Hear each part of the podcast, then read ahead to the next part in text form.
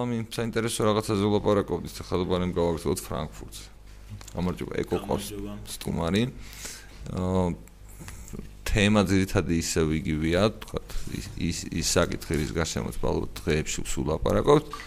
მაგრამ ნუ არა მარტო ეს საკითხი, ანუ გარშემოც გვაინტერესებს რა ხდება და ანუ ფრანკფურტზე რო ყვებოდი და უცოტა რომ გააგრძელო და მოდენ რომ მოგვიყვება. რა ხდებოდა ფრანკფურტზე? როგორ წარმოადგენთ პოეტებმა ქვეყანა? ფრანკფურტი იყო ძალიან პომპეზური რა ახლობით აქედან გორამდე რო წარმოვიდგინოთ ამ ხელა მანძილზე პავილიონების, სტადიონის ხელა პავილიონები, სადაც სულიად თელი მსოფლიოს ყურადღება ამ შემთხვევაში იყო მომართული საქართველოსკენ იქ ესწრებოდა ადგილობრივის გარდა სხვადასხვა უცხოური გამოცემები, წარმომადგენლები, გამომცემლები, სხვადასხვა ქვეყნის ლიტერატურული აგენტები და მოკლედ ეს სპეციალური როლი გქონდა ხო ამ კი მე პროგრამა მქონდა ანუ ორდღიანი პროგრამა მონაწილეობა მიიღო მთავარ სცენაზე ერთ-ერთ ფესტივალში პოეზიის მე და ზურართველიაშვილმა აა ძალიან კარგი შტაბეჭლებები დაუბრუნდი.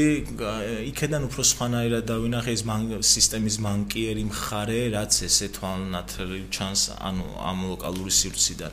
იქ ის იყო რაღაც ფილტრი აღმოჩნდა ეს ფესტივალი, როცა ხედავდი ამ რაღაც ნამუსგარეცხილ ადამიანებს, როგორ იწონებდნენ თავს ვითომ ამ ლიტერატურას. სინამდვილეში ამ ხალხს ლიტერატურასთან ოდნავადაც ახლოსაც არ გაუვლიეთ ეს მათ ეთყობათ. ეს ნემ პოლიტიკოსებს რომლებიც ხშირად მოდიან ციტირებენ ხოლმე ამა თუ იმ პოეტს სხვადასხვა ძალიან ცუდად ძალიან ცუდად ციტირებენ იმიტომ რომ სულ ეშლებათ ციტირება. და რაღაცა ამგვარ სიყალბესთან ქონდა საქმე ლიტერატურას თავისთავად სიყალბეა მოდი ესეც უნდა აღვნიშნოთ მაგრამ ეს სიყალბე არის ესე ვთქვათ აკადემიურ კულტურაში გავლილი და დაკანონებული სიყალბე რომელიც ასე აღვაფთოვანებს ყველას მაგრამ ამათი სიყალბე ბევრად უფრო უნიჭო იყო და არ იყო ისეთი რომ ამაზე რაში გამოიხატებოდა ეს გამოიხატებოდა თუნდაც იმაში რომ დარწმუნებული ვარ ყოფილ პრეზიდენტს ბესი ხარანოს არც ერთი ლექსი არ აქვს დაკითხული, მაგრამ ნახეთ ფოტო როგორი გაღიმებული იყო ამ პოეტთან. მიშაც იყო ყველა ეს რაღაცნაირად ისეთი პლატფორმა აღმოჩნდა, რომ ყველას თავისი წინსარგებელი უნდა წაიღო აქედან აუცილებლად და ესეც ეცადნენ და მაგრამ ანუ დღევანდელმა ორგანიზატორმა ანუ რეალურად დღეს ხელისუფლება ქართულმა სახელმწიფომ რა როლი ითამაშა?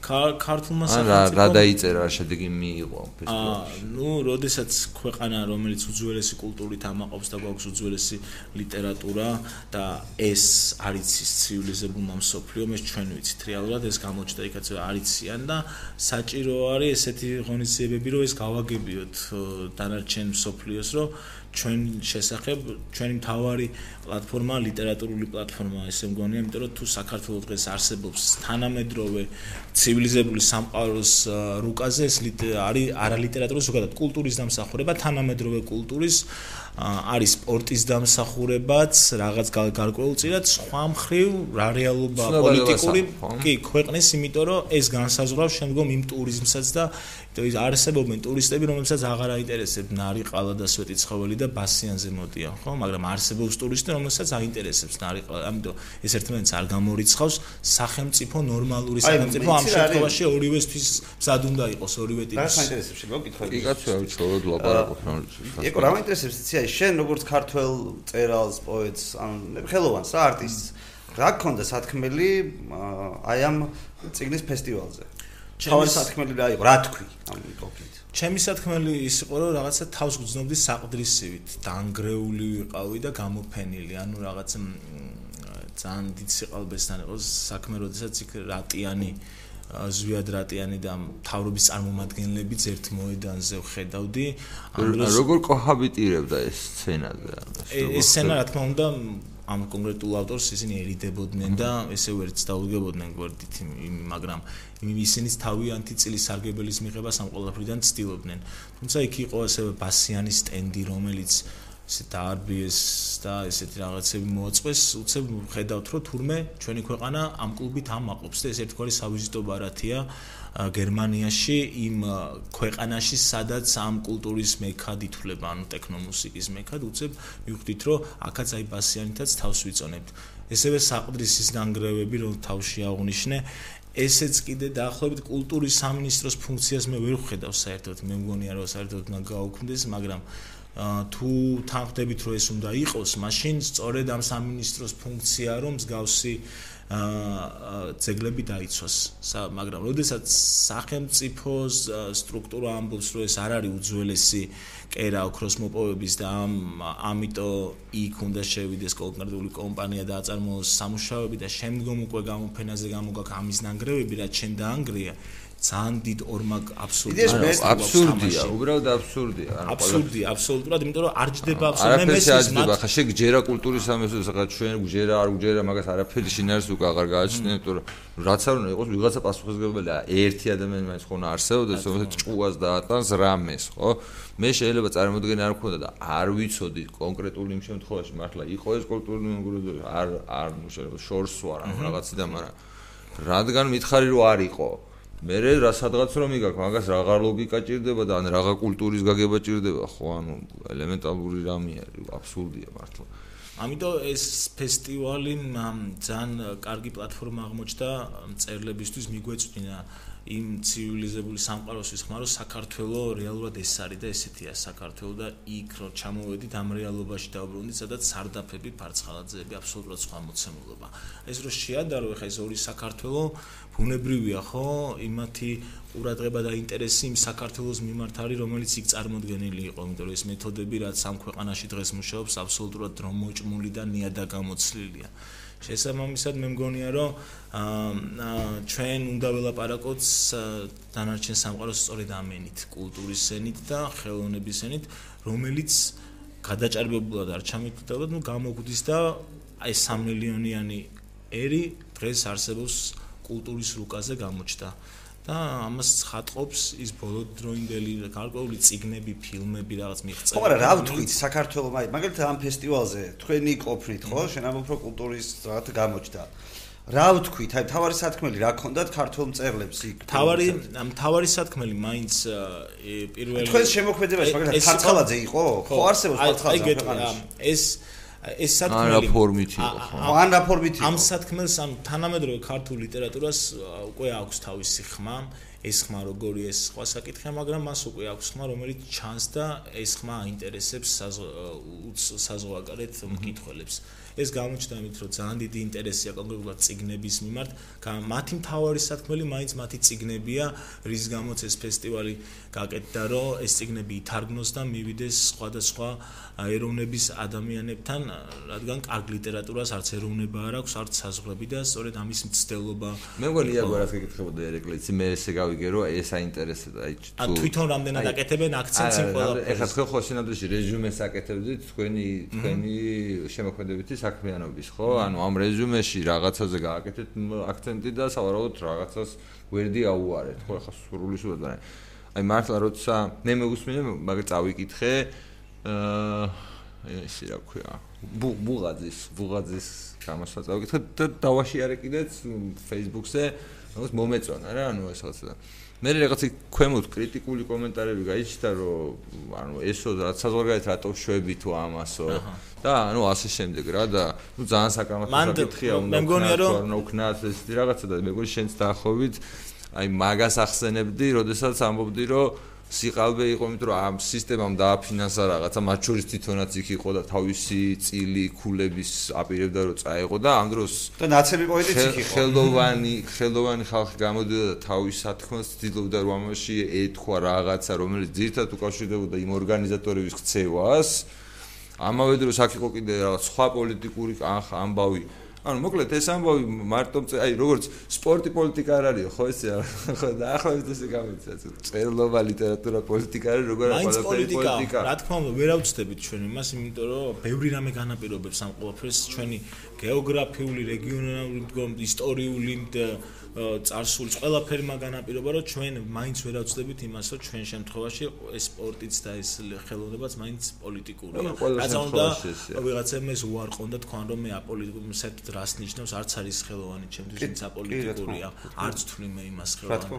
ამიტომ არიან კარგი ციგნების ავტორები რომლებიც ეს არ ესმით კარგი ციგნებს წერენ მაგრამ ისინი რატომღაც თვლიან რომ ისინი ამ ყველაფრის განზე უნდა მე ამჯერა ეგეთი ხალხის მიერ დაწერილი კარგი ციგნისაც იმიტომ რომ რავი საბოლოო ჯამში ან ახლა არის ადამიანი ავტორი რომელიც ირჩევს ჩუმად ყოფნას და საერთოდ არ უნდა საჯარო ცხოვრება ამ კაცს და თავის სათქმელით ის წიგნებს წიგნებით საუბრობს მაგრამ რავი უაზრო კაცის მიერ დაწერილი კარგი წიგნის არ მჯერა რა თქმა უნდა მეც რაღაც აი ისეთი კაცს რომელსაც გულწრფელად ჯერა რომ პოლიტიკა მას არ აინტერესებს. მას შეიძლება საჯაროდ არ გამოხატავს მაგრამ თუ პოლიტიკა არ გაინტერესებს ხო. მაშინ როგორ უნდა დაწერო ანუ რომანს როგორ წერ ანუ შეხო შეხო და გესმოდეს პოლიტიკის დაკავშირება გაზრების სიუჟეტებთან გაზრების პრობლემასთან უფრო გვაქვს საქმე ამ შემთხვევაში ალბათ იმ როცა ის ვერია საერთოდ ის ამდიდი პრობლემაა ზოგადად არტისტების დროის და სივრცის აღქმის უნარი აქვს დაკარგული თორემ მე მათ ვიღაცების ნიჩიეჭი არ მეპარება და მართლა ვთვლი რომ ნიჩე მაგრამ არის აღქმის პრობლემა.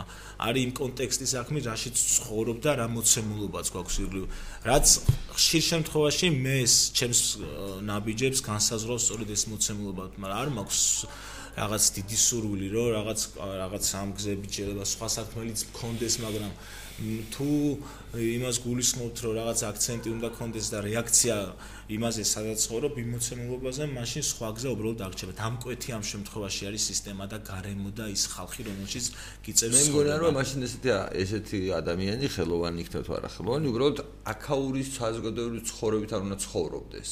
ანუ რაღაცა სხვა ქვეყნის ჩინეთის საზოგადოება ანუ სხვა ქვეყნის ცხოვრებით უნდა ცხოვრობდეს. წინააღმდეგ შემთხვევაში ვერ იფუნქციონირებს როგორც სრულფასოვანი ადამიანი ანუ იმიტომ რომ ეს კომპონენტია საჭირო კომპონენტია რომელიც ჩვეულებრივ ნებისმიერ ადამიანურ საზოგადოებას აქვს.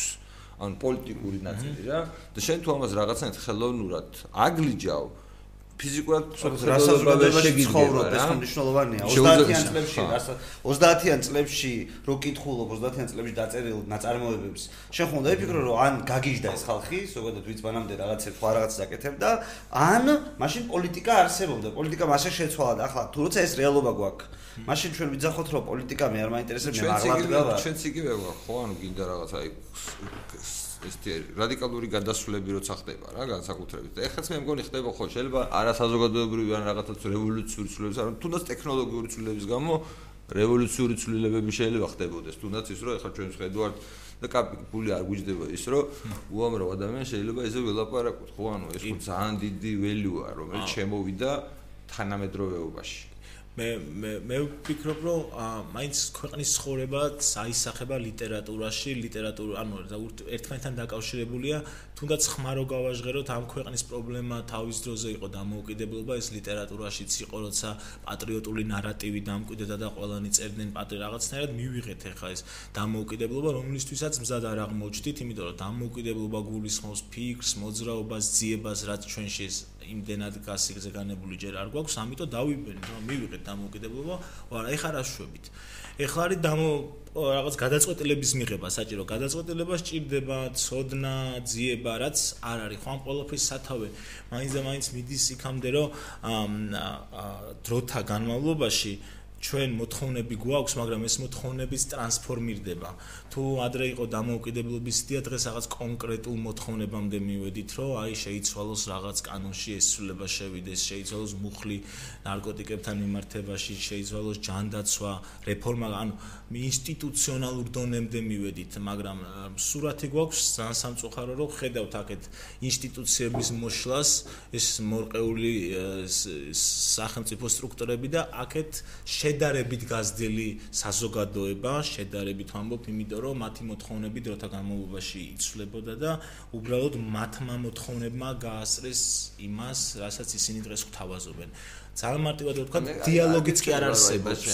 თუ ანუ მასთან ალბათ ძალიან პატარა იყო, მე მახსოვს კარგად 2003 წელი ეს შევარდნაძის დიდი ხნიანი უკმაყოფილების პერიოდი და რაღაცა მოთხოვნა რომ ისეთი იყო, რომელიც დაკმაყოფილება ფიზიკურად იყო შეუძლებელი. და ეხლა მაგ რაღაც ესეთი განცდა სულთა ადამიანურად მაქვს ესეთი განცდა, რომ ეხლა რა თქვა, ну პრობლემა ვიცით რა, რას გვაქვს ქვეყანაში, მაგის დაკმაყოფილება მე არ წარმომიდგენია როგორ შეიძლება. ანუ ვიღაცას ხო თქო, რომ აი ეგეთ პრობლემას ვხედავ და მინდა რომ ეს პრობლემა გადაწყდეს.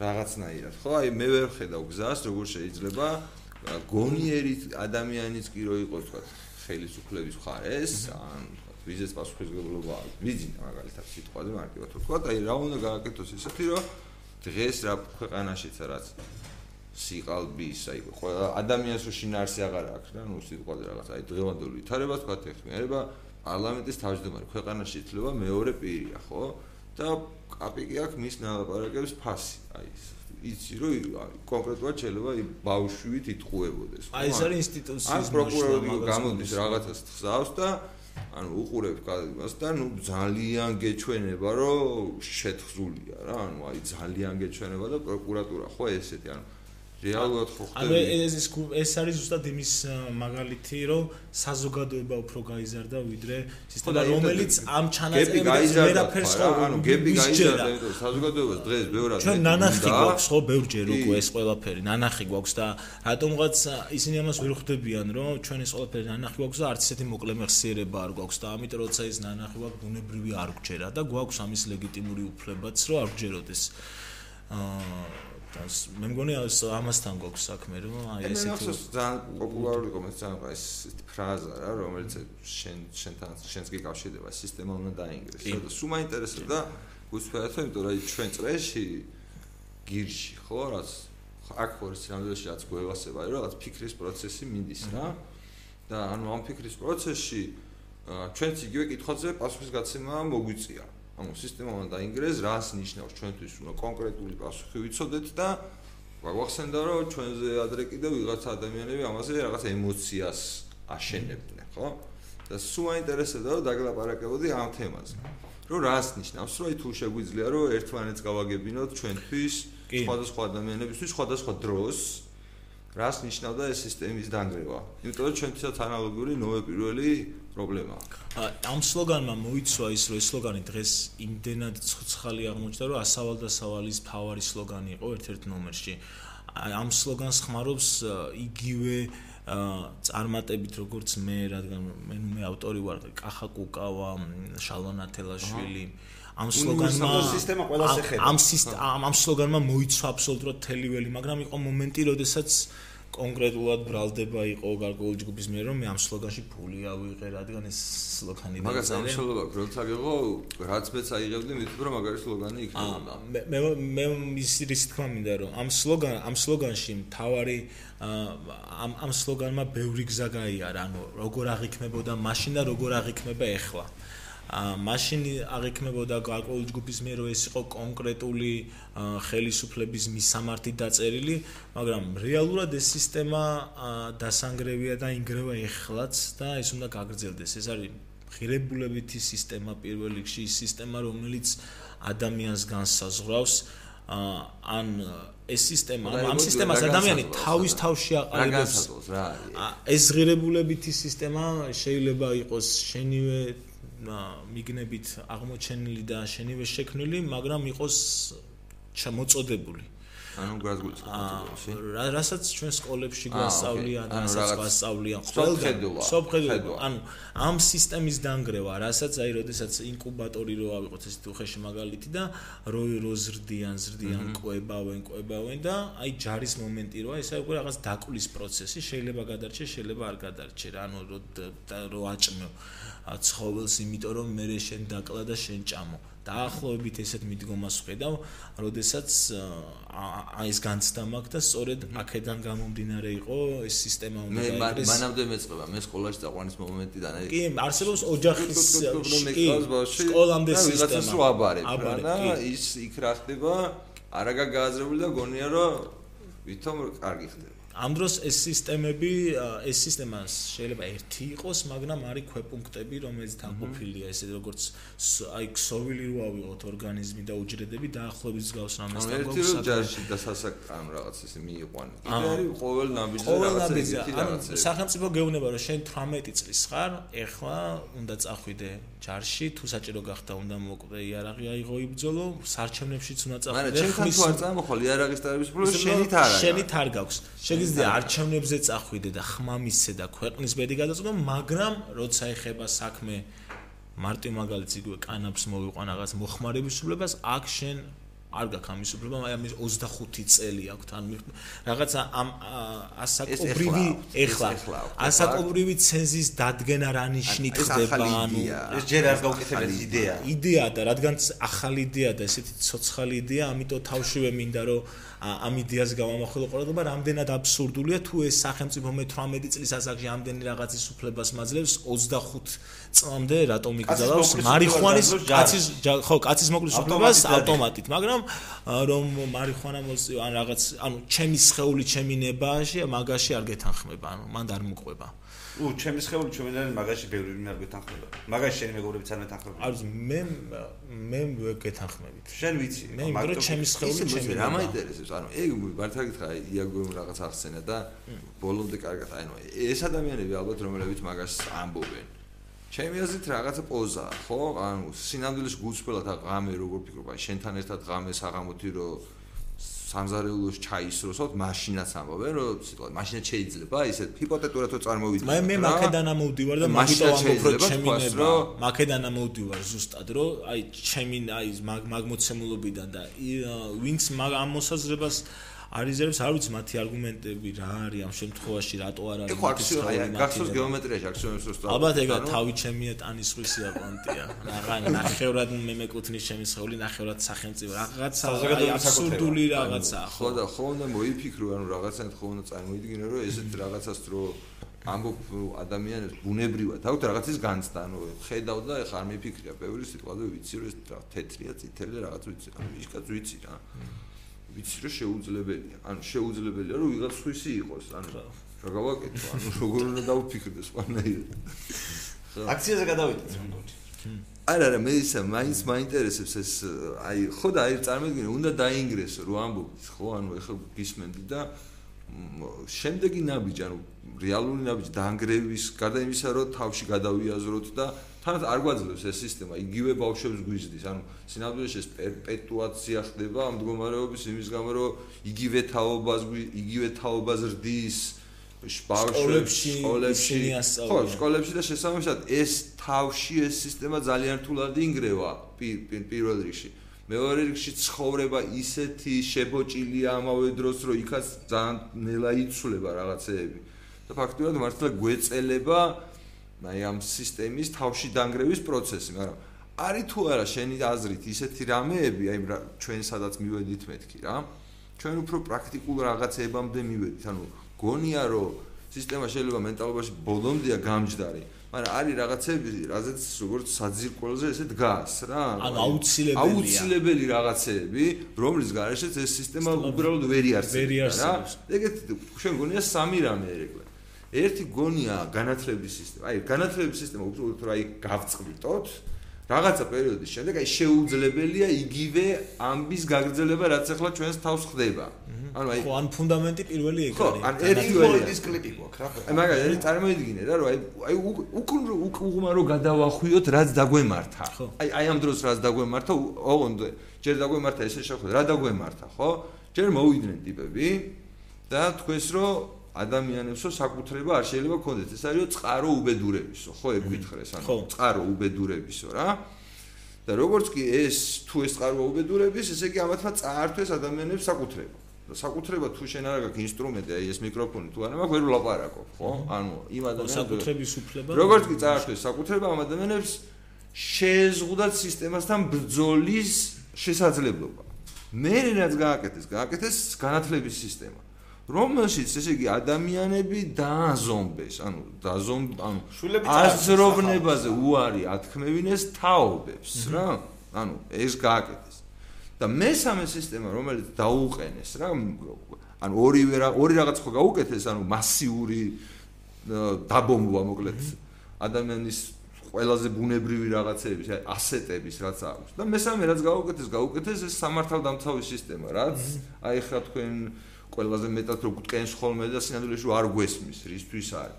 იმისთვის არის რომ ამ სისტემებს თუ ვიღაცები დაუსხტებოდნენ თქვა შენაირი ადამიანი ვიღაცისნაირი ადამიანი ვიღაცა თუ თავდაცვის მხრივ ეს იყოს ანუ ეს ტიპი მოვიდოდა და იმ ერთეულს გააუნებლებდა თორე. არასოდეს მას სამართალთან კავშირი არ ქონია და დღესაც არ აქვს. და მთელი მთელი ამ ყოლაფრის უბედურება და შინაარს გოროს იმაში რომ თუ ჩვენ არ გავიაზრეთ რომ ეს ეს სხვა ფუნქციისთვის იყო შექმნილი სხვა დროს და დღემდე ჩვენ ამას ვინ არჩუნებდა? უბრალოდ ჩვენნაირ საზოგადოებას ეს ინსტრუმენტი უბრალოდ არაფერში არ ჭირდება როგორც ასეთი და ის ვერასოდეს ვერ გახდება ის რაც ჩვენნაირ საზოგადოებას ჭირდება ანუ სანამ ამას არ გავიაზრებთ ხო? სინამდვილეში სისტემა არასოდეს არ დაინგრევა.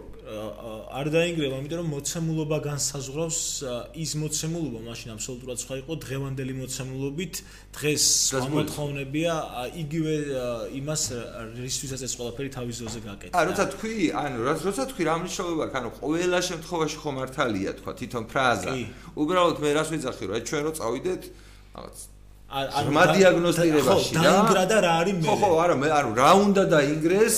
ჯერ გავიგოთ რა უნდა დაინგრეს რა უნდა დაინგრეს? ის სისტემა ცე რასაც რასაც ამბობდა ეკო მე მენიშნა რა იცი რომ თქვენ ხო ობიექტურად იმ წუთას აქტუალური იყო ციხის სისტემა ანუ ზოგადად სამართალ დამცავი სისტემა რაც ახლაც აქტუალურია მესამე ნაწილი რა მესამე ნაწილი. იყო სინამდვილეში ანუ შესაძლებელია ბევრნაირად ითარგმნოს მაგრამ იმ დროს კონტექსტი იყო რომ და ჩემი აზრით ამიტომაც იყო ეს სისტემა ეს სიმღერა ასეთი აი ატაცებული იმ წუთას ანუ სისტემა დაინგრეს სხვა დროს რო გეთქვა შეიძლება ეგეთი მაგარი არ ყოფილიყო. იმ დროს ყველასთვის გასაგები იყო რა იყო სისტემა. ამ ადამიანებმა იმ წუთას შეძლეს დაინახებიათ ადამიანებს კონკრეტული ერთი წერტილი სისტემის რა რა რა იყო.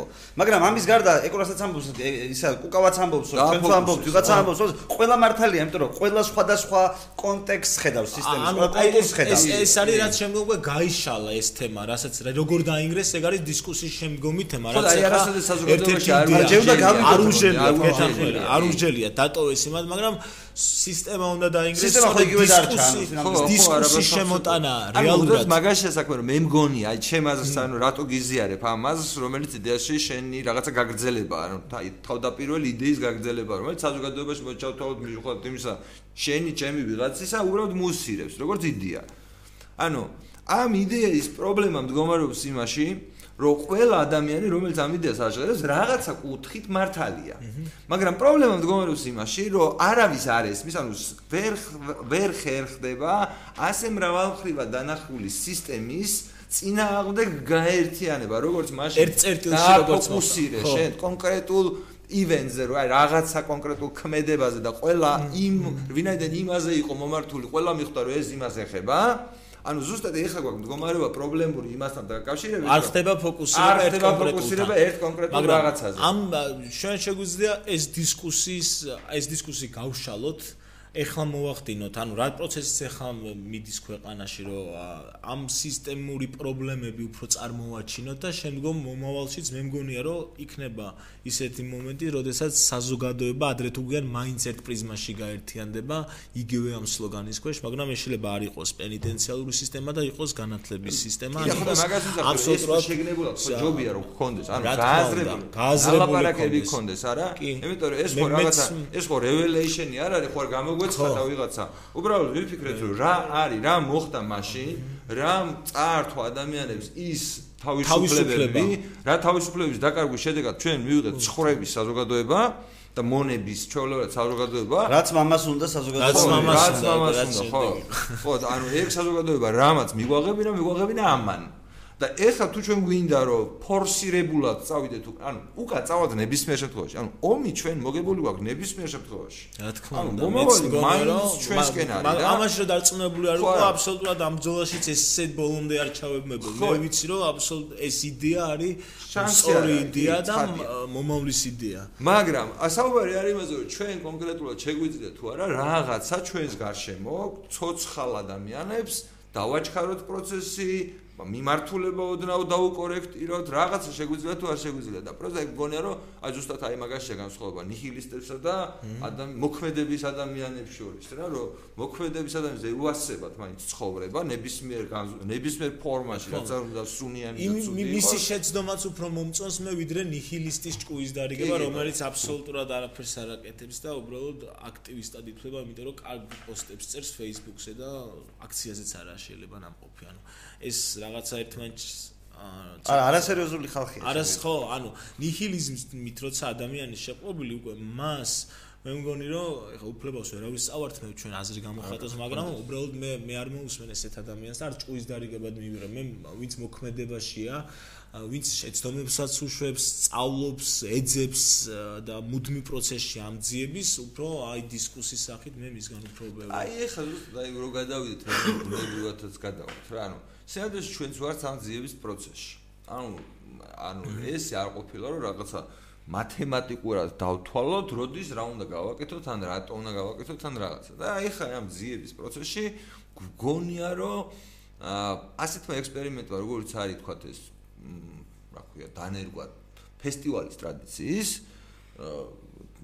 კანაფის გონია რომ არის ძალიან ისეთი რატომაც არა რატომ არ ვცადოთ აი ამ რეალობაში რომელიც რაღაცა შექმნილია ჩვენს გარშემო მათ შორის პოლიტიკურ სხვა რეალობების რო წარმოვიდგინოთ რაც პარალელურ რეჟიმში მიყვება ამ რეალობას. და მე მგონია რომ ანუ ჩემი ახვით საერთოდ არის პროვოკაციული მაგრამ ხო წარმოგიდგენია რა რაოდენობით ადამიანს ეს ეჩვენება პროვოკაციულად. დედას ჩათვლით მაგალითად ხო? ხო და ანუ ნუ ეს ის ხალხია ვინც ბალახის გამო ხალხის ციხეში ჩასმას ხელს აწერდა გვახსოვს მაგრამ არა აწერდა მაგრამ როგორ აწერდა? იცი რაღაცა ცუდად აწერდა. აი თვალ მაინც მაინც თუ რაღაცნაირად იცი როგორ აწერდა სისტემა სარგებლობდა მისი მგრძნობელობით და იმ მგრძნობელობებზე აკეთებდა აქცენტს რომ მას ის იმ მომენტში სწორად თვლიდა ამას, რომ ის უნდა მჯდარიყო, მაგრამ ეს დისკუსი ხო შეიცვალა დროთა განმავლობაში. რაღაცნაირები გაიშალა. მე მგონია რომ ამ თქვა რომელზეც პასუხი უნდა გავცეთ. აა მე მგონია რომ ეხლანდელი ეს ფესტივალის იდეაც რაც არის რაღაც ხრი მე ეპატაჟი ძალიან მიყვარს პროვოკაციებიც ჩემთვის მისაღებია თუნდაც ეს ვიღაცამ პროვოკაციად ჩათვალოს ნებისმიერ შემთხვევაში მოცემულობა გვაქვს როგორი რომ სახელმწიფო რომელიც აპირებს რომ მაგალითად კულტივაციის და თვითონ გაყიდოს როგორც ხვდები არაძლევს ადამიანებს ქუჩაში მოწევის უფლებას. არამედ ქუჩაში არამედ ბუჩქის გაზდის ბუჩქის გაზდის უფლება. ანუ თვითონ აქვს უფლება რომ გაყიდოს და ანუ ეს ნიშნავს საზოგადოებისა და მათ შორის რაღაც დისკომუნიკაციას კედელს კედელს აშენებს რომელიც დაჩნორება დაახლოებით კი ადამიანს რომელსაც ეუბნები შენ მოქალაქეს რომელსაც ეუბნები რომ შენ ეხლა იყავი რაღაცა როგორც გინდა ისე იყავი აი იმის გამო რომ რაღაც ჩვენ ეკონომიკური ინტერესები გვაქვს ვიღაცა გრიშა უნდა მიიღოს უფლება არის ნიშ რამში რა თან ხართ რომ შენ რაც გინდა ის გერმანელ მაქს ჩაუტანოთ. ანუ ხო შენ უნდა შემოსეულებიან მიხოს კი. და ჭიჭიკოს არის ვიღაცა სხვა ანუ აი ამას ეუბნებიან და რა პონჩი არ ფიქრობენ როგორ ფიქრობ თუ ვაფშე აი იქნება ჩვენ ზედმეტად აი მაგალითად ჩვენ რო ხშირად ვარკვევთ ხოლმე რომ ეს მოძდით იმიტომ რომ არიან შტერები თუ იმიტომ რომ გააზრებულად ბოროტებიან და უმრავლეს შემთხვევაში ვიხრებით იმის რომ არიან შტერები აა მეც მეც აქეთკენ ვიხრები რომ შტერები არიან, თუმცა ეს შტერიც ხანდახან ბოროტება იმ მოცემულობაში, სადაც საზოგადოების დაკვეთა აბსოლუტურად სხვა არის და სისტემა სხვა რაღაცით პასუხობს. ამ შემთხვევაში მე რაც თავში აღნიშნე, დიალოგის არ ქონა და დისკომუნიკაცია საზოგადოებასა და სახელმწიფო სტრუქტურებს შორის თითქმის აბსოლუტურად ამცდარი არიან. ჩიდე მათი თვითონ რიტორიკა, ტონიც, როცა გველაპარაკებიან კიდეც ხალხზე ხვდები, რა ხელა უკვე ძალიან სრული აი არ დგება დიალოგი ამ ამ ნაწილსა და მათ შორის, იმიტომ რომ ისინი რა ელექტორატზეც თვლიან ამ თავის გულებს, რეალურად არც იმათ არის მით უკვე მათი. რომ საზოგადოებამ ბევრად სწრაფი ტემპით მოახერხა რაღაცეების გადახარშვა, ვიდრე ეს მათ მოახერხეს, იმიტომ რომ ეს ჩანს მათ მეთოდებში, რითიც ცდილობენ რაღაცეებში დაარწმუნონ საზოგადოება და რა მექანიზმებს იყენებენ ამისთვის. რეალურად ეს ხო ძალიან დრომოჭმული და დროში აცდენილი და აბსოლუტურად არ მუშაობს არც ერთი ეს მექანიზმი.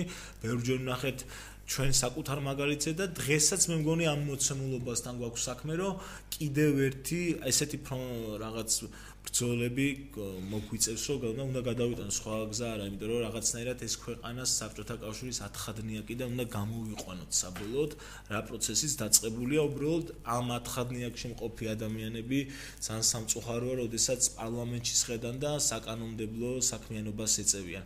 პირველ რიგში მგონი ამ ყველაფერთან ერთად აი მორგანოსაც უნდა მიეხედოს, რომ თავარის სათავე ამ ბოროტების, რასაც პარლამენტი ქვია, სადაც ეს ხალხი წყვეტს ქვეყნის ბედს და კანონებს ხებულობენ და მათთან არაფერი შეხება არ აქვს რეალურად და ვიცით რისთვის არიან იქ, იმიტომ რომ ადგილსავსებენ და ხელფასებს იღებენ, რაღაც ხრივ აი ეს სისტემაც ერთ-ერთი მთავარი კისტა და ბირთვი ეს ეს მგონია, რომელიც ხო რა ვინ უნდა შეცვალოს ეკო? ანუ მე მაგალითად ბარემ კითხვა ჩამოვაყალიბებ რა ანუ მაგალითად ხშირად გამიგია არის შენგან მაგრამ შენი მეგობრებისგან ჩვენი საერთო მეგობრები ვიღაცებისგან რომ ანუ პოლიტიკაში არ ვერევი ერთი და მეორე რომ მე არც ერთ პოლიტიკოს არ ვენდობი და კარჩ არჩევნებზე არ დავდივარ და ამ შემდეგ და ამ შემდეგ. აა და ნებისმიერი ეგ საკითხი რომელიც ჩვენ გვაწუხებს ახლა შესრულებას სწორად აღნიშნეთ. პარლამენტში მსხომ ხალხია საუბარი, შეხო სინამდვილეში ამბობ, რომ ჩვენი საბჭოთა ათხადნიაკიდან გამოსვლას ხელს უშლის ხალხი, რომელიც ის პარლამენტში, ხო ახლა იქ რო რაღაცა ისე ნორმალური ხალხი იჯდეს, ბევრად შქარიდებით. ამაზე ბევრად სწრაფად გამოვიდოდით საბჭოთა ათხადნიაკიდან. ფაქტია რომ ეს სიტუაცია ეგრე არ იცვლება, ანუ ბაზარი არ არის, შენ შეიძლება გამოხვიდე ფრანკფურტის ციგნის ფესტივალზე და რაღაცები თქვა და ვიღაცაზე ამას გავლენა კონდეს, მაგრამ ეს ყოველთვის არასოდეს არ ითარგმნება, იშვიათ შემთხვევის გარდა, აი ის ალბათ სისტემა უნდა დაინგრეს იყო, რადგანაც კონკრეტული იყო და კონკრეტულად არჩევნების წინ იყო და მაგიტომაც გაბრალებული. კონკრეტულ მომენტში იყო. ხო, კონკრეტულ მომენტში იყო, ამიტომ იყო თორე ისე გავარდებოდა ჰაერში, აი ჩემი აზრით, ანუ ჩემი აზრით, რაც მამას უნდა უკეთესი სიმღერაა, ჩემი აზრით. ანუ მე ის უფრო, ჩემთვის უფრო გასაგები მესიჯი არის რაღაც თვალსაზრისი და ის არის, მაგრამ ეს ხო უფრო ხმაურიანი იყო, ანუ აი ეს იყო, რომელზედაც, რავი, დაგაბრა, რა თვალს უნდა და ფული აიღეო, ხო არ უთქვიათ. ხო, ანუ აქ ხო სხვა რაღაცა იყო. როგორც კი პოლიტიკური პოზიციის დაფიქსირება იწება და რაღაცნაირად გასაგები ხდება ამ კაც რა აწუხებს და კონკრეტულად ვის ებრძვის, მაშინ ეძლევა ამას ფასი და თქვენი ეს პოზიცია მარტო შენზე არ გულისხმობს, ზოგადად ეს პოზიცია ხელოვნების რო არც ერთი პოლიტიკოსი არ ვარ გადა არო შესა და ეს რამდენად პროდუქტიული ამ თვალსაზრისით. მithumedes პოლიტიკოსები მე მგონი ყოველთვის ამარჩევნებს ეს ვარჩევნებს თავს ვერ დავდებ, მაგრამ არ მჯერა რომ დასაწუნი ესე მარტივად დაიწუნოს რომელიმე არტისტმა ამ ქვეყანაში. მე მგონია რომ რაღაც მომენტში აქტივიზმი თავის ფუნქციას ასრულებს იმ წერტილში, როდესაც ქმედითი ნაბიჯებია გადასარგველი, უკვე ის უნდა იქცეს პოლიტიკურ აქტად. სხვა შემთხვევაში აქტივიზმი, გააჩნი ადამიანი, ვინც გადაწყვეტს, არიან მკვეთრად ესეთი ადამიანები, რომელსაც გადაწყვეტილი აქვს, იყვნენ აქტივისტები და არაფერი შეხება არ ქონდეთ არასოდეს პოლიტიკასთან და ისინი თავიანთ ფუნქციას ასრულებენ ძალიან მნიშვნელოვანს. აქ არის ფრონტის ხაზი, სადაც ყველას თარგოლს თავისი ფუნქცია და როლი აქვს. მე მგონია, რომ ესე ეს არის ილუზია, რომ ჩვენ ახლა ვიძახოთ, რომ მარტო აი ამ აქტივიზმით და თუ ამას ვინმე არ ეყოლება ესე ვთქვათ რაღაც გადაწყვეტილების მიმღები რამდენიმე ჯგუფი ადამიანები მაინც რომელიც პოლიტიკურ პროცესებში უშუალოდ მონაწილეობენ ან გადაწყვეტავენ რომ მონაწილეობა მიიღონ. სხვა შემთხვევაში ეს ეიფორია გაიფანტება როგორც ბევრჯერ იყო ამ აქციების დროს ეს რაღაც დიდი ენერგია დუღილი გაიფანტება. მივიღებთ ისევ იგივე სურათს და კიდევ ბევრჯერ მოგვატყუებენ გადაგვაგდებენ გვეტყუებენ შეგვდებიან არაფერი შეიძლება. ჩვენი შეცდომით ბიც რაღაცები იყო, რა თქმა უნდა, იმიტომ რომ შესაძ საზოგადოებრივი მოძრაობა და არაპოლიტიკური პარტია საზოგადოება შედგება ბევრნაირი ადამიანისგან და ამიტომ შეიძლება იქ იყოს კომუნიკაციის პრობლემაც, არ იყოს ერთი ადამიანი გადაწყვეტილების მიმდევი, ეს ამას ჩვენ ასე ვთქვათ გაგებით უნდა მოვეკიდოთ, იმიტომ რომ აი ეს არის პოლიტიკა რაღაცა საზოგადოებრივი მოძრაობა, მაგრამ თუ რეალური, ანუ ამ მოძრაობას თავისი ნიადაგი უკვე მოამზადა. ეხლა ამ ნიადაგზე არის საჭირო, რომ ვიღაცებმა პოლიტიკური პასუხისგებლობა აიღონ და ეს პროცესი, რომელიც საზოგადოებამ დაიწყო და საზოგადოების დაკვეთა, გადავიდეს პოლიტიკური ველზე ჭრილში. თუნდაც მოქმედმა ეს უკვე დიდი დისკუსიის და განშის სხვა საკითხია, მაგრამ თუ ვიღაცებს არენდობიან თვითონ აიღონ მაშინ პასუხისგებლობა, რომ თვითონ შევიდნენ ამ ველში ბრძოლისთვის. სხვა შემთხვევაში აი პოლიტიკურ პოლიტიკოსები არ გვინდა. არა, იმ ადამიანებს, ვინც ხო, ხო, იმ ადამიანებს. ანუ მათი მე მათიც მესმის რატო არ აქვს ნდობა. გარდა იმ ადამიანებს, მარტო მარტო მადა ადამიანებს არ არის. ანუ თითქმის ანუ ხა ძალიან რთულია საკუთარ თავზე ლაპარაკი, მაგრამ ნუ სინამდვილეში ხა ჩვენ ხო რაღაცა სტანდარტული პოლიტიკურ პარტიაში ვერ გავალთ, ხო? ანუ საქართველოს არა მარტო საქართველოს, მაგრამ საქართველოს პროჟე ნამდვილად ვერ გავალთ, მაგრამ რო უყურებ პოლიტიკურ სპექტრს, ხო? აი ამ კონკრეტული თემის მიმართ, რომელიც ახლა ჩვენ ბაწუხებს. ანუ თუ გვინდა რომ გავიგოთ რაღაცა პოზიცია ესეთი ანუ პოზიცია როგორ ანუ უბრალოდ პოზიცია კი არ გავიგოთ ესეთი ფორმალური პარტიის პოზიცია, რამე და ესე დავსხდეთ და გავიაროთ თქვა კონკრეტული არგუმენტები თუ რატო როგორ აი რა მიზეზით იქნება გადახვიდე, ხო? ანუ იქნება რაღაცა გაიაზრო, რომ ანუ იმ მის მხარესაც არის რაღაცა საღიაზრი ან შეიძლება კომპრომისი იყოს მისთვის რაღაც ტკივნეული იყოს და გთხოვოს რომ აი მოდი აი ესეთი ნაბიჯებით წავიდეთ ანუ ნუ ეგ დიალოგს მაქვს ალბათ ხო და მაგას ვიცი მაგრამ ეს ეს ეს ეს ხო არის წინაპირობა იმის რომ საერთოდ რაიმე შევცვალოთ ცივილურად. კი, გაჯანსაღებისკენ წავიდეს, ფორმი და არა იმ ფორმებით, რაც ჩვენ ამ ცივილურობას დაგვაშორებს. ამიტომ მგონია რომ მე და საერთოდ ვინც კომუნიკაციის წინააღმდეგია, მას არაფრის შეცვლა არ უნდა, ესე მგონია. აი, ზუსტად ესეთი მდგომარეობა გვაქვს. შენ რაც, ანუ როგორ ფიქრობ? ანუ ამ მოცემულობაში კრეატიულად რო შეხედო აი ამ ჩვენ ჩვენთვის პრობლემატურ სიტუაციას.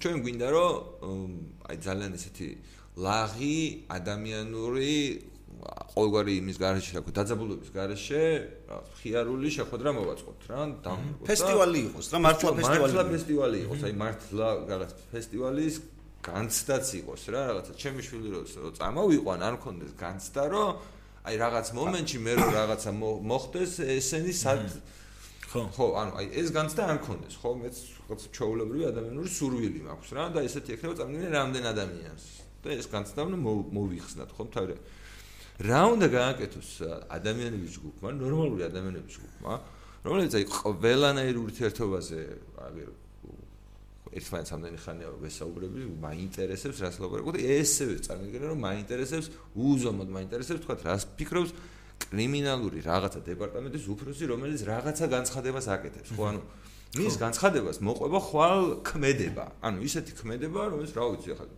ეგეთ თანამდებობაა კაც. მაგრამ რაღაც გვარი დასახელი ხო ქვია. ამ გვარი დასახელიანმა ადამიანმა, ანუ რა ვერ დავიმსახურებ ისეთი, რომ თავის დატვირთულ გრაფიკში გამოყოს დრო და რა მეახსნას, რა იაზროვნა. ანუ რაღაცა ხო იაზროვნა, რომ დრო გამოყვეს, შეწუხდნენ. რაღაც ტელევიზიები მოიწვიეს, ბრიფინგი გამართეს, რაღაც აქნეს, ხო? ხო და ხო შეიძლება რომ ავხსნათ, იმიტომ რომ ჩვენც ხო შეგვიძლია ავხსნათ ჩვენი პოსტზე რა რა გვინდა, ანუ რა გავაკეთო, გვინდა რომ ას შვიდად ვიყო ბავშვებზე. ას იმას რა უნდა? იმას უნდა რომ რაღაც შვიდად იყოს მისთვის, ჩემთვის ეფემერულ და მისთვის შეიძლება რეალურ საზოგადოებრივ ჯანმრთელობაზე. დავილაპარაკოთ რა არის ეს? ხო შეიძლება რომ აი გაგაცნო მე მე ანუ იქნება შესაძლებელია რომ თქვა ისე მოვაწყოთ ეს ყველაფერი რომ არაფერი არ შეგაწყვეტ გონი რომ მათი მოვალეობა სწორედ ეს არის თვისაც ისინი თანამდებობები ხო აი ამას რომ აი მაგალითად ესეთი ხშირად არ ქონია ესეთი შეხვა აი მაგალითად დღეში ერთხელ რაღაც საუბრობთ ხოლმე ანუ ამ სტუდიიდან ეხლა საუბრობთ რამდენი ადამიანიც მოვა იმდენ ადამიანთან ვისაუბრებთ. ძირითადი მესიჯი ჩვენი მხრიდან არის რომ ხო ხედავთ ხალხთან ადამიანებთან შეგვიძლია ნებისმიერთან საუბარი არავის არაფერი დასამალი არ გვაქვს არ ვისვრით რაღაც რაღაცა მოდი გავერკვიოთ. ყოველ დღე ჯაფარიძე წერს ვიდეოს და მოყვება ministrიდან ministris მოადგილეს ხახო ვინმე დაგველაპარაკა გამოიწვია დღეს. მაგრამ იცი რატო? ვინმე დაგველაპარაკა რა? იმად იმად ძამბევრი რამე აქვს დასამალი და ამიტომ ამიტომ ვერ დგება ეს დიალოგი. როცა ეს ბძოლის ეს მეთოდია გაქარჩეული რომ შენ გულწრფელად აბსოლუტად იდეებით მოდიხარ და იდეა გაქვს ამ შემთხვევაში აქვს ცუდი კარგი მერეგანს სისტემა იდეით მოდიხარ უკვე იმ ადამიანისთვის, რომელსაც იდეა რა აქვს, თელი თავისი კამპანია პოპულიზმზე და ფარისევლობაზე აქვს აგებული, ბუნებრივია ესეთი ადამიანი ვერ დაჭდება ესე თავისუფლად სალაპარაკოდ, იმიტომ რომ ის დგას სიყალბეზე თავიდან ბოლომდე. მასში თავისუფლება არ არსებობს. აი ესეთი ადამიანი ბუნებრივია, რომ მე მგონია რომ სწორედ ამ ადამიანების მხილება არის და სწორედ ეს მხილება კი არა, მე მგონი უნდა გავაგებინოთ რომ ამ ადამიანი აი კონკრეტულად ამ ადამიანის წინააღმდეგ ხო არა გვაქვს. ანუ სინამდვილეში ეს ადამიანები რას აკეთებენ? ეს ადამიანები მათი ჭკუით ასრულებენ უმრავლესობის ნებას. რო ვიღაც სულელ ადამიანებს ამ ქვეყანაში მათი ჭკუით რაღაცა გონიათ და გონიათ რომ ვინაიდან რიცხობრივად ეს ეს უმრავლესობა უფრო მეტია. გონიათ რომ ისინი რამეს წყვეტენ ამ ქვეყანაში და სინამდვილეში ესე არ არის. სინამდვილეში უმრავლესობა არაფერს არ წყვეტს. ისედაც უმრავლესობასთან სიმართლე არ არის ხოლმე კავშირში. ხო, არა, ჯერეთ ეგ სხვა თემაა კიდე, მაგრამ კონკრეტულად ცნობილი ამბავია, რომ არსებობს უმცირესობა, აქტიური უმცირესობა, opinion maker-ები, თუ opinion-იან, თუ აზრი შეიცვალა რაღაცა კონკრეტულად ყველა ღირებულებას უმცირესობა ქმნის. ყველა შეიცვლის, ანუ ცოტა ხანში შეიცვლის ყველა ის უმრავლესობაც. მე მგონი ჩვენ ეს ეტაპი ყვა გადალახული, როცა იმ საჭირო უმრავლესობამ აზრი შეიცვალა. და როდის დადგება ის მომენტი, როცა ეს უმრავლესობა, რომელსაც ესე მიკროსკოპით აკვირდებიან, ესეთი ბუნებრივი პოლიტიკოსები, როდის რას ფიქრობს ეს უმრავლესობა, ანუ იმ ციფრს დააფიქსირებს, როცა ესენი მიხვდებიან, რომ მათთვის უკვე ჯობია, რომ აქეთ გადმოხდნენ, ანუ ეს მომენტი ანუ მე მგონი ტექნიკური პრობლემა გვაქვს. მან და პასიური პასიური ელექტორატის პრობლემა გვაქვს, როდესაც არჩევნებზე ხო, არჩევნებზე როდესაც ქვეყნის ბედი წყდება, ძირითადად მაინც ის ახალგაზრდები, რომლებსაც სწორი პოზიცია აქვთ, მაინც საჭირო მომენტში არ მიდიან საარჩევნო ყუთთან, სწორი ჩემთვის ესე ვთქვა, ანუ და რაღაც თანხვედრო გქონდა ხაზრებში, არ მიდიან საარჩევნო ყუთთან და არაკეთებენ თავიანთ არჩევანს და ისევ მათი ხმა იკარგება იმ უმრავლესობის ბჭყალებში, უმრავლესობის ხმაში, რომლებიც არიან სხვადასხვა უწყებებში მუშაობენ, ნათესავებით, იმებით და ბუნებრივი აქ სახელმწიფო ეთქვის, რომ შეიძლება ეს არ ერეოდეს, რომ იმას ხმა მისცე, ამას ხმა მისცე, მაგრამ ის ვალდებული არჩევნებზე წავიდეს, რადგან არის კონკრეტული რაღაც დაწესებულების თუ სახელმწიფო სტრუქტურის წარმომადგენელი.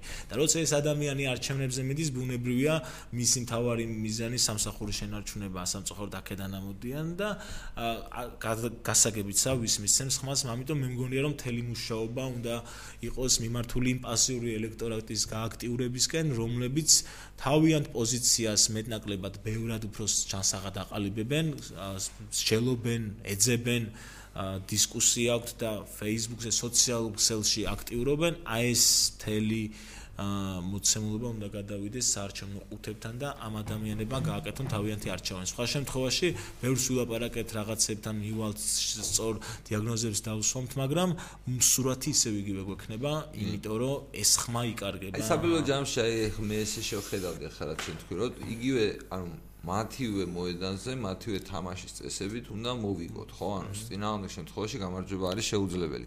როგორც ახლა მაგალითად საკონსტიტუციო სასამართლოც მოვიგეთ, ეს ნიშნავდა, რომ მათ მოედანზე მათივე წესებით მოვიგეთ.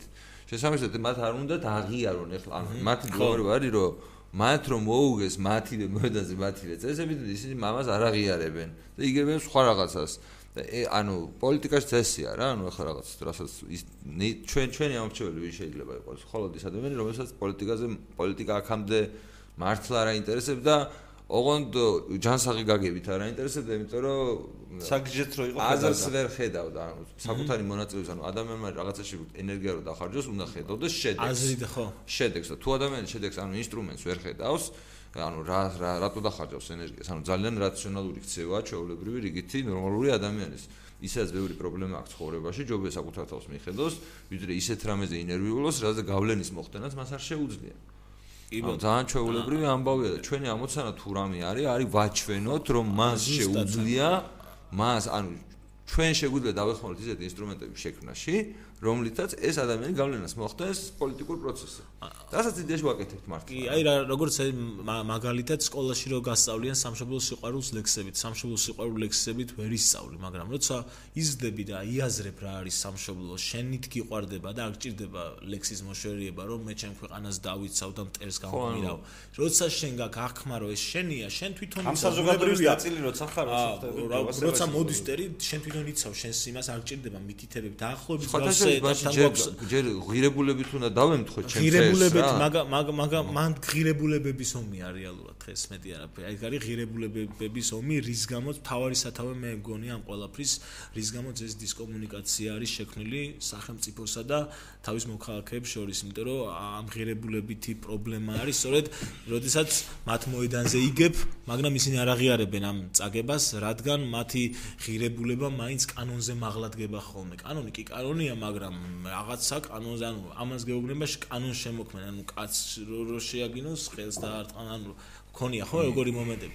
აი ამ ღირებულებებიდან ყველაფრის სათავე მაინც მე მგონი ეს ქონია ეს მენტალობა. აი ესეთი რაღაცა რო გითხოთ ძალიან პრაქტიკული. როგორ ფიქრობ? 20 ივნის როგორი ფესტივალი შედგება? ანუ როგორ წარმოგიდგენია რა იქ მე ვაპირებ 20 ივნის 20 აუ ივნისში ხო.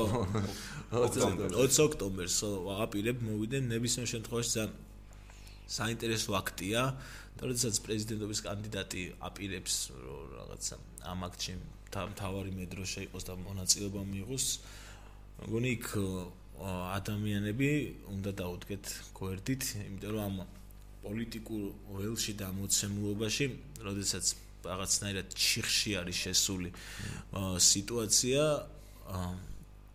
მე მგონი ახალგაზრდებს არ უნდა გაუჭირდეთ რაღაც არჩევანის გაკეთების, იმიტომ რომ ყველაზე ესე ვთქვათ, იმენაზე, რა ენაზეც შეიძლება რომ პოლიტიკოს ვესაუბრო და ველაპარაკო ამა თუ თემაზე.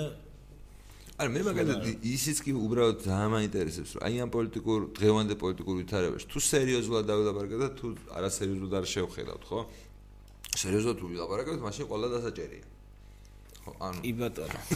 ან რაც ვიცით, ანუ რაც ვიცით და კადრები რაზეც მოდის, ის გვეუბნება რომ ყველა დასაჭერია. ხო, კონცერტს გვიდგამენ. კონცერტ, ანუ ყველა ანუ ყველას ხო ვერ დაიჭერ, ანუ გამოდის რომ ვერ აღშვები. ხო, და აი ამ მოცემულობაში, აი ამ ფონზე რაც იქეთ ხდება, ანუ რასაც გვთავაზობენ, უფრო ბევრად მნიშვნელოვანია რომ ესეთ აქციებზე ბევრი ხალხი აი მაგალითად არტისტი ხარ. აქ არ აქვს მნიშვნელობა მოგწონს ზურა ჯაფარიძე არ მოგწონს აბსოლუტურად სხვა რაღაცას და მე არ მინდა ის გამომივიდეს რაღაც აგიტაციას უბრალოდ ეს სხვა საკითხი ამოცემულობაში როდესაც ესეთი რაღაც ხდება ყოველდღიურად ამ ჩანაწერები და მთელი სპექტაკლით მე მგონია რომ აუცილებელია ჩვენი სივრცე რა უნდა გააკეთოს აი რო შეხედა აი ვიღაცებს აქვთ მოლოდინი რომ რაღაც არსებობს სერიოზული პოლიტიკური პარტია. ну მართლა პასუხისგებლობა თუ აქვს რამეზე ანუ ადამიანურად აქეთ ამ ხრიდან თუ ესე შეხედავ რა მაშინ რა არის ასეთ მდგომარეობაში როცა საგიჟეთია ისეთ საგიჟეთია როცა ყველას გვესმის რომ ფორმალურ წესრიგს თუ აღიარებ ფორმალურ წესრიგი არ მუშაობს იმიტომ რომ ყველა დასაჭერია და ყველას ვერ იჭერ იმიტომ რომ ვინ უნდა დაიჭიროს ეს ყველა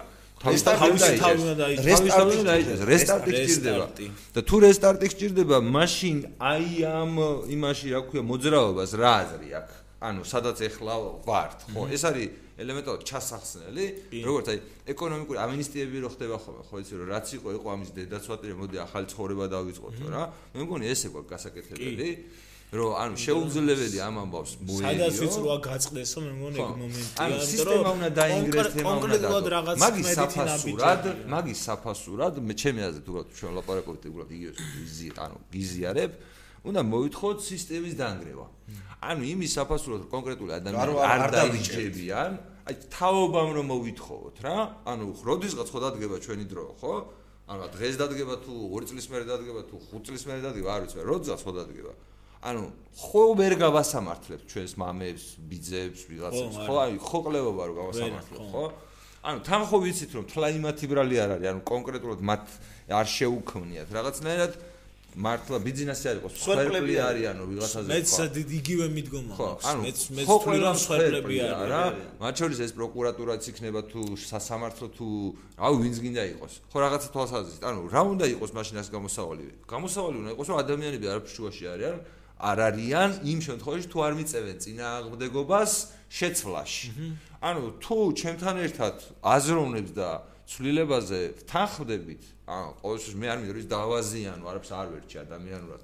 რაც არ უნდა კონდეს გაკეთებული იმიტომ რომ ну ეგრე მეც ხო რაღაცა პასუხი ეს მიგვიყვანს მაშინ დაუსრულებელ ციკლამდე. თუ მაგას დაუწყებთ ვისი ვისი ხო ბრალია აი როგორც როგორც სისტემა წარმოიდგინე მაგალითად როდესაც მოხდა მეთქი ვარდების რევოლუცია მაშინ ხო სისტემის წინააღმდეგ მიმართული იყო რეალურად ხო ანუ ფრაზა არ არსებობდა მაგრამ ყველას ესმოდა შუქი უნდა და კონკრეტულად ბიურო ის არ უნდა და ფულის გადახდა ყოველნაბის ქთამი. არ უნდა და რამოდენიმე მარტივი რაღაცა უნდა და მიიღო.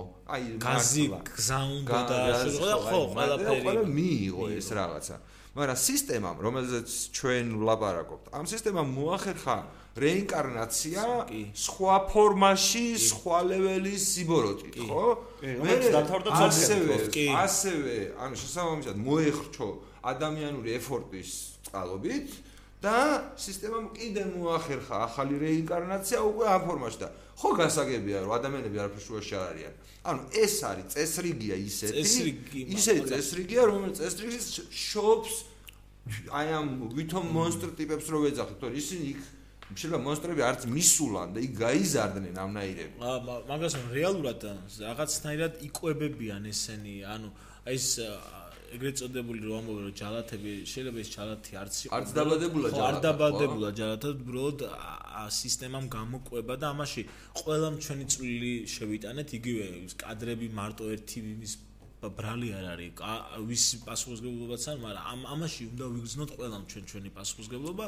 თუნდაც იმ ხალხმა რომლებმაც ეს ესე თუ ისე ყურმოყრით ვიცოდით მაგრამ არ რეაგირებდით იმიტომ რომ ესე უნდა გვეჩვენა და უბრალოდ ვნახეთ მე აღშვოთ და გავედით და შევცოლეთ ამაზე იგივე გვაჩვენეს. ამაზე პასუხისგებლობა უნდა აგოს იმ ადამიანებმაც რომლებმაც ეს კადრები მოიპოვეს და გარკვეული პერიოდი შეინახეს, იმიტომ რომ ელოდებოდნენ საჭირო მომენტს ამ შენახვის დროს ხო ეს წამება ხო გძელდებოდა. ანუ ამაზე ხო თვალ და ხუჭო არის, იგივე არის ეხლა, მაგრამ იმ დასაწყისშივე შეცდომა რა იყო იმას ამბობ, როცა ამ კადრებში ნინახავ რომ ამით ივაჭრო.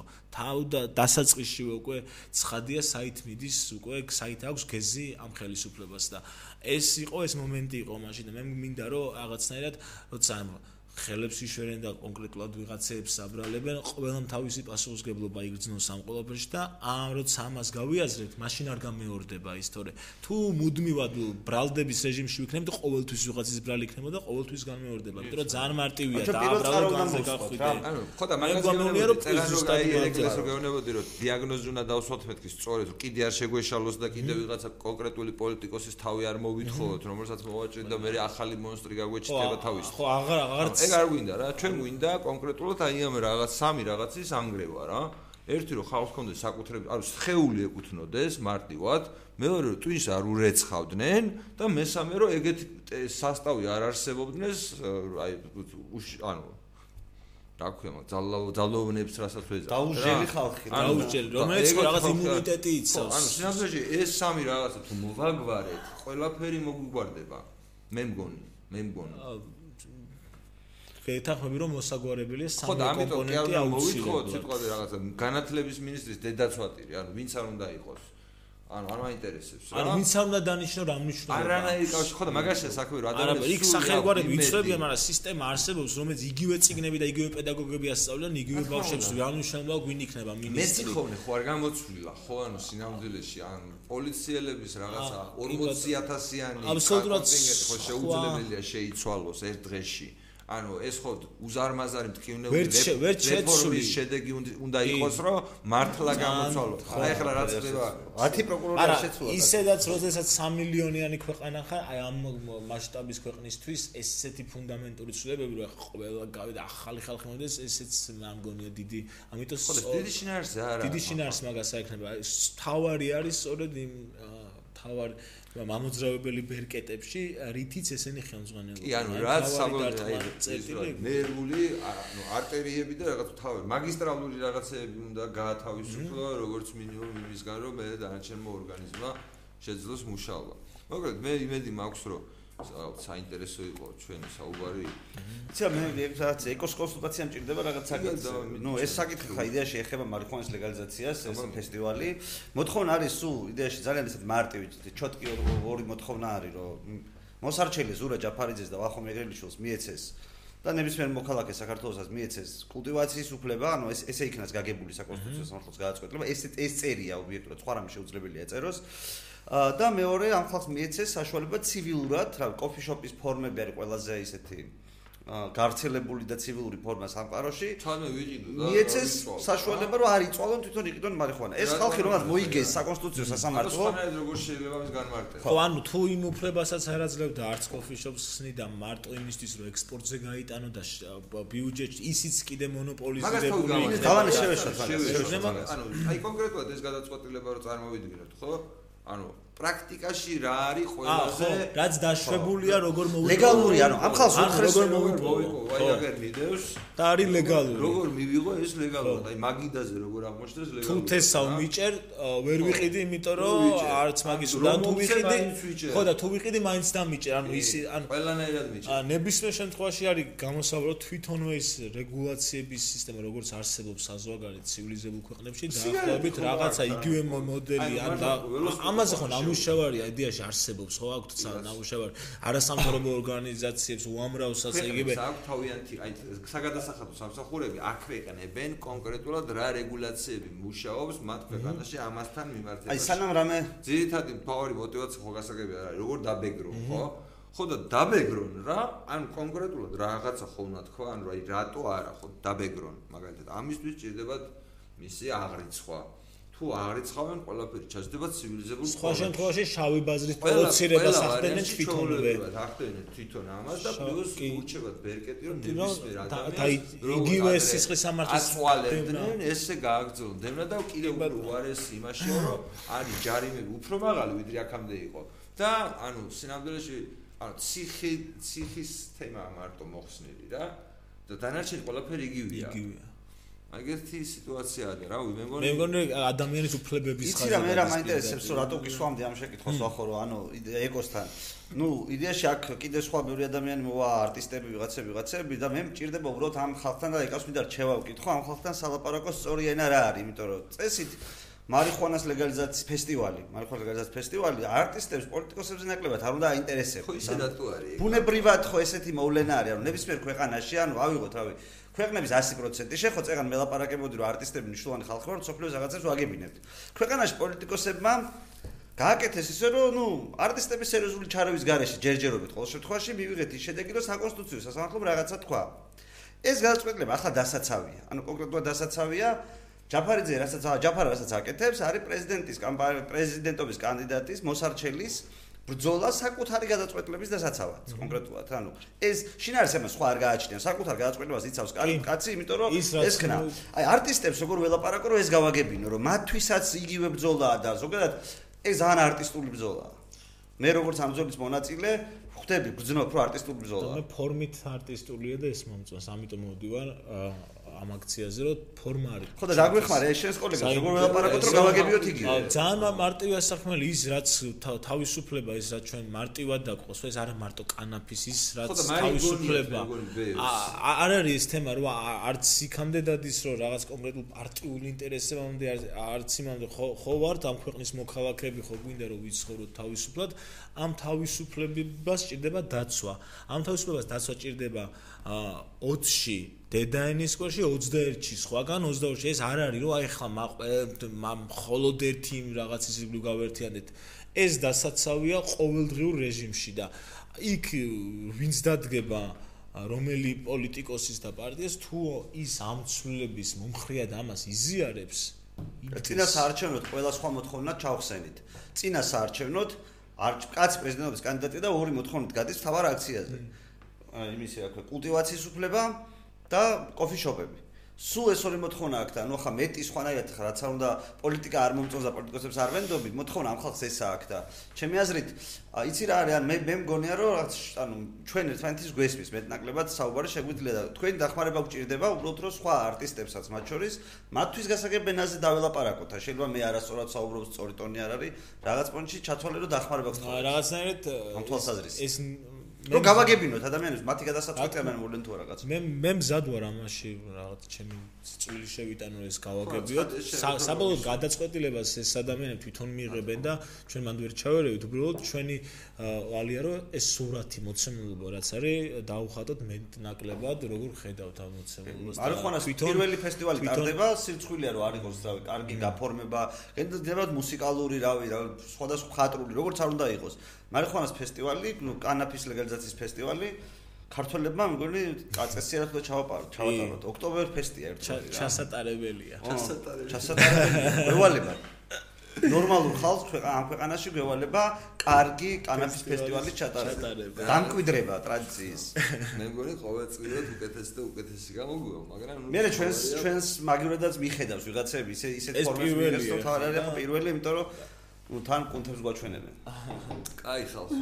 მადლობა დიდი ეკოც მე მგონი თანხმარება ამ ამბავში, იმიტომ რომ ნებისმიერ სხვა რაღაცას მე მგონია საბოლოოში ლაპარაკი თავარი და საღაზრზე ნებისმიერ ადამიანთან მიხვალ. მაგრამ ეს კონკრეტული შემთხვევა მე მგონი ყველას გააერთიანებს, ანუ ბევრ ადამიანს გააერთიანებს. მიუხედავად იმისა, როდის მე გადავკვეთილად ერთმანეთთან თუ არა, ყველას გვეხება ძალადობა და რაც თავისუფლების ამ ქვეყანაში ვცხოვრობ და უნდა ვიცხოვროთ ხვალ. ხო, ანუ აი ჯაფარია, ხო დღეს არა ხო ხალ ხო არ დაგხოცავენ, ანუ აი ხო აი არც უნდათ, აი ყველაზე ცუდი ხალხი რო წარმოვიდგინოთ, რაც კი შეიძლება არსებობდეს, მე ვერ წარმომიდგენია, რომ მათ უნდადეს რაღაც მასიურად ვიღაცების დახოვა. ამჯერად. ხო, არა, რა თქმა უნდა. უბრალოდ რაღაც ემოციას არიან აყოლილები ხშირ შემთხვევაში. რაღაც არიციან, ანუ მათ შორის ქიდმაღლობა მეორე მხრიდან ხშირად აი ამ ადამიანების მიმართ მე მიგძნია. ანუ მე მიგძნია რა ხო ბნელები რაღაცა იქ ხო არის მე არ ვეთანხმები მაგ მოსაზრებას. საერთოდ აი ბნელი და რაღაც ესე ესეთი ნებისმიერ შემთხვევაში არიან ადამიანები რომლებსაც მიეცათ მეტი შესაძლებლობა ცხოვრებაში არიან რომლებსაც არ მიეცათ. რაღაც მომენტში მეც სადღაც სხვანაირად ფიქრობდი მე შემეცვალა აზრი იმიტომ რომ აი ხა მაინტერეს და იმის უდიდეს იგივე მომენტია თუ უბრალოდ წარმოადგენა არ ხონდა რომ არსებობდა და რამე მნიშვნელობა ქონდა ბუნებაში. ანუ ხო ანუ მეც ხო ესეთი ვიყავი და ეხლა მაგალითად რაღაც ზოგი იმიდან აქ მარშიდან იმიდან იმიდან ანუ გირჩის დიდ ჯგუფში უამრავი ხალხია სხვადასხვა იმიდან რა კი. მიმართულებიდან და ხო გასაგებია რომ შეუძლებელია რომ ახლა ეს ეს ერთი ერთი ხალხია ერთი ქვეყანა ოჯახები აქვს ანუ ხვალე რა ვიცი საქმე ბიზნესი იქნებიან ერთად და რაღაცა და ანუ არსებობს პრობლემები, რომელიც უნივერსალურია და ყველა უნივერსალური პრობლემა თავისუფლებასთან არის დაკავშირებული და ერთ შემთხვევაში შეიძლება კანაფი იყოს და მეორე შემთხვევაში სკოლა. მესამე შემთხვევაში კიდე არ ვიცი მედიცინა და იურისტები. კანაფი ხო ერთ-ერთი მნიშვნელოვანი გზა არის ოპერაციული სისტემის ხელში, ან ბერკეტია სისტემის ხელში, რომელიც თელი სოფლები ხო მაგით უჭირავთ, ეჭირათ. ანუ წარმოიდგინეთ, უბრალოდ აქ სამბლეში თავისუფლების აქცია რო ვიძახი, რატო არის თავისუფლების აქცია? უბრალოდ ამ აქციის მერე ეს ბერკეტი მთავრდება. კი. და ანუ აი მეტი თავისუფლების აქცია რა ნერვთა იყოს რა ერთარი მოწევის აქცია იმას სისტემას ადამიანებს ადამიანები ყავდა ერთმანეთზე გადაკიდებული. და საერთმე ხო ბეცარტო არტმე მეტი რანაირი უნდა კანაფზე გადის უბრალოდ თავისუფლების ხაზი ახლა თორე მოწევა ან ხო ამ შემთხვევაში თორე არ ნიშნავს რომ ვინც მოწევს თავისუფალია ეგრე არ აღიქნება ხო საზოგადოება ესე ისმით მაგრამ ანუ ამ კონკრეტულ მოცემულობაში ეგ ამიტომ რა იმედი მაქვს. მოკლედ 20 ოქტომბერს უნდა 20 ოქტომბრამდე. მომზადოთ კარგად 20 ოქტომბერს. გავაგებინოთ და ბევრ ადამიანს კიდე ბევრს დაველაპარაკებით საინტერესო ადამიანს. ხო ერორსიტის აქცია ნახეთ უნდა გავარეკლამო ერორსიტის აქცია. 6 ლარად კიდის კაკლებს ერთხელ და მრავალ ნახე და კიდე სხვამდადო იყო კიდე სხვამდადო რაღაც ისინი არ ჯერ არ წამიკითხავს მაგრამ აქციები მოკლედ იდება კონკურენციები იქნება ასე კი. ანუ სხვათა ეს ბიზნესი ახლა რას ფიქრობდი? ჩემთვის ცი ანუ ვერ გავედით ვერ დავასვით ამაზე ფიქრობდი ეგეთ რაღაცას რა რომ ყველა ბიზნესი ხო ჩუმად არის მთავრობასთან მიმართებაში ანუ აი ნებისმიერ გინდა საბანკო სექტორი აიღე რაც გინდა აიღე შანსი არ არის რომ ხმა მოიღოს რამეზე რა ერთადერთი ბიზნესი აი რომელიც გამოვიდა არის ბიზნესი რომელიც აი კონკრეტულად არ არის დაკავშირებული. ანუ ეშინია მთავრობის რა ანუ შიშია ცხოვრებს მათ ისე შიშია ცხოვრებს მთავრობა რომ ამ ფეხებზე კიდიან. ანუ ერთადერთი თავისუფალი ინდუსტრია ჯერჯერობით. კანაფთან ასოცირებული პროდუქციის ბიზნესი არის ყველაზე თავისუფალი ბიზნესი. ანუ ტაქსების იყო. ეხლა ნუ ტაქსებს ხომ მიადგნენ? მე მგონი ეს ეს ბიზნესზე ჯერჯერობით ეხლა და კანადა მიიღო ახალეს დღეს მიიღო ლეგალიზაცია სრული და ყოველდღიურად რაღაც ეს მთელი მსოფლიო ნელა აკეთებს. ან ეგეც არის ჩვენი თავარია რომ ჩვენ სწრაფად შევიდეთ ამ პროცესში, თორე თუ დავაგვიანებთ ალღა მოვაჩერებთ გვიან, ხო. ალღა გვიან წამოვა ჩვენამდე შორს ვარ.